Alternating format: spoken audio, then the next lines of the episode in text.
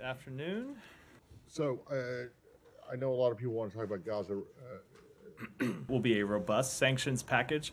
We are always looking at, at uh, additional ways that we can uh, choke off the Russian war machine, that we can deny the Russian uh, military industrial complex uh, components that it needs to use to fund its war effort, uh, as well as to hold accountable those involved in it.